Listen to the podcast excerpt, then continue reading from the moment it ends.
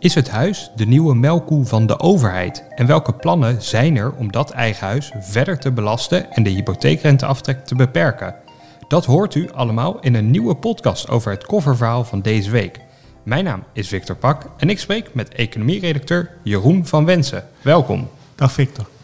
Op de koffer van EW staat deze week een illustratie van een huis dat wordt overgeschilderd in die lelijke paarsblauwe kleur die iedereen wel kent van de enveloppen van de Belastingdienst.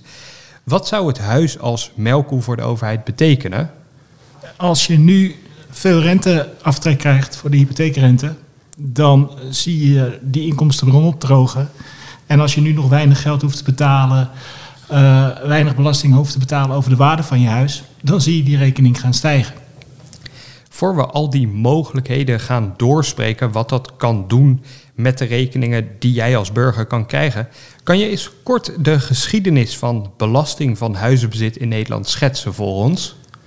Ja, zoals we hem nu kennen, bestaat die sinds 1893 met de vermogensbelasting van 1892, wat eigenlijk meer een inkomstenbelasting was. Uh, ja, er werd een manier gezocht om uh, huiseigenaren te belasten. En daarvoor moest er eigenlijk een soort inkomen worden gevonden. En dat inkomen werd gevonden door te zeggen van, nou ja, je hoeft als eigenaar van een huis geen huur te betalen. Die huur, ja, die, uh, dat is eigenlijk als, als het ware, die huurwaarde is als het ware een soort inkomen. Nou, daar maken we het huurwaardeforfait van. En die huurwaardeforfait, dat zien we vandaag terug in het eigen woningforfait, dat is het belastbare inkomen uit het eigen huis. Nou, dat leidde tot uh, behoorlijk wat uh, scheve gezichten van ja, met name de rijke bovenlaag. Dat waren de mensen met de huizen. En daarom is gezegd, oké, als je dus inkomen hebt, dan heb je daar ook kosten voor. En dan zijn de kosten zijn aftrekbaar. Dus er werden bijvoorbeeld kosten voor onderhoud werden aftrekbaar gemaakt. En dat zie je vandaag de dag nog steeds uh, in de vorm van hypotheekrenteaftrek bijvoorbeeld. Of als je een huis koopt en je moet naar de uh, makelaar inhuren en je gaat naar de notaris toe. Er zijn een aantal van die kosten, financieringskosten, zijn nog steeds aftrekbaar. En dat, uh, ja, dat bestaat dus nu zo'n 130 jaar. Dat is een heel lange tijd. In die, in die periode is er wel iets veranderd in, in hoe politieke partijen vooral over woningbezit nadenken. Daar is ook een, een verschuiving in geweest. Hoe, hoe is dat gegaan? Het heeft heel lang, tot en met de jaren 90, uh, van zeg maar, tot en met 1990 ongeveer, uh, uh, heeft het heel lang gediend als echt een, echt een fiscaal vehikel. Je hebt een inkomen en daar horen kosten bij. En uh, daar, werd op zich niet, werden op zich niet heel veel vragen over gesteld. En um, de stimulering van het huizenbezit, hè, uh, dat, dat is ook pas iets vanaf de jaren 90. Daarvoor werd veel meer gewerkt met premieregelingen bijvoorbeeld. Rechtspartijen die hadden zeg een soort koopsubsidies. Uh, PvdA vooral, die was echt voor het woningbezit via collectief, om het collectief te, te regelen. Dus je had de woningcorporatie en de arbeider huurde via zijn coöperatie.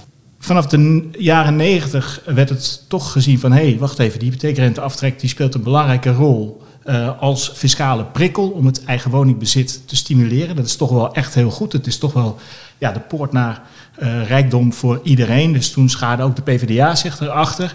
En je ziet ook in de jaren 90 dat het huizenbezit ook echt wel een forse sprong maakte. Na de Tweede Wereldoorlog was het eigen huizenbezit was, uh, 30% ongeveer. Uh, in 1997 kwam dat eerst boven de, voor het eerst boven de 50% uit. Um, en nou ja, het was dus een hele mooie prikkel, zo werd het gezien. En uh, op een gegeven moment uh, werd ook wel duidelijk van ja, met al het eigen huizenbezit neemt ook de hypotheekschuld toe.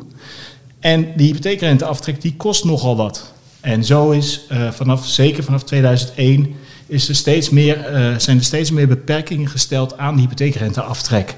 Om maar minder daaraan hoeven uit te geven, zodat het niet zo zwaar op de begroting drukt.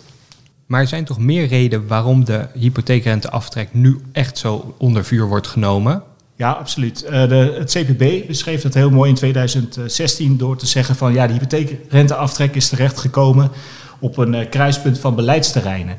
En dat zie je ook uh, met name na de, de kredietcrisis van 2007 en dan in 2009 begonnen die huizenprijzen echt te dalen.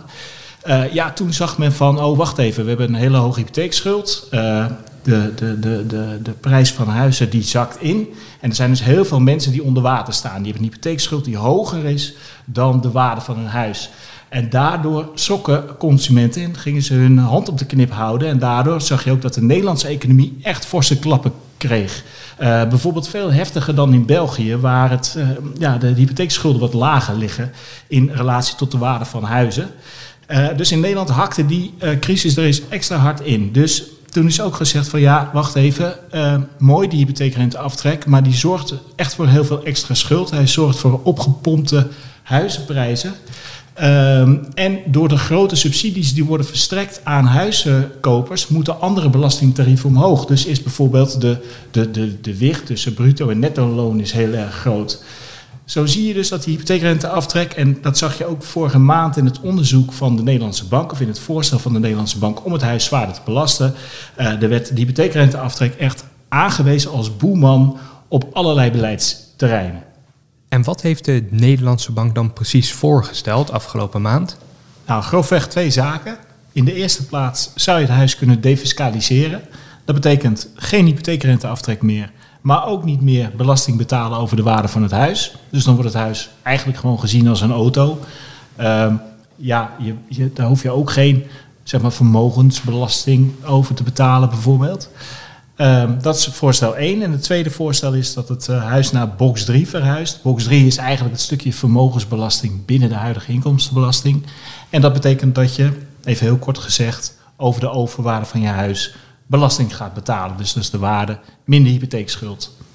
Voor mij klinken dit als twee tegengestelde scenario's. Klopt dat? Ja, dat klopt. Het zijn het ook. Uh, het is wel zo, de overeenkomst is dat je als huiseigenaar in beide scenario's meer gaat betalen dan nu. Dat staat hoe dan ook dus eigenlijk vast. Dat welke kant we ook opgaan, ook rondom de hypotheekrenteaftrek, maar dat huizenbezitters meer moeten gaan betalen, dat weten we nu eigenlijk wel zeker. Ja, dat is sowieso 100% zeker, want ook in het, in het stel dat niemand doet meer wat, er is geen kabinet dat nog een maatregel neemt, dan blijven de bestaande maatregelen bestaan. En die voorzien er al in dat de hypotheekrenteaftrek elk jaar een stukje minder wordt tot en met 2048. Dus meer betalen wordt het sowieso. En het, de enige mogelijkheid bestaat dat de scenario's, dat daarin uh, alleen steeds meer betaald moet gaan worden.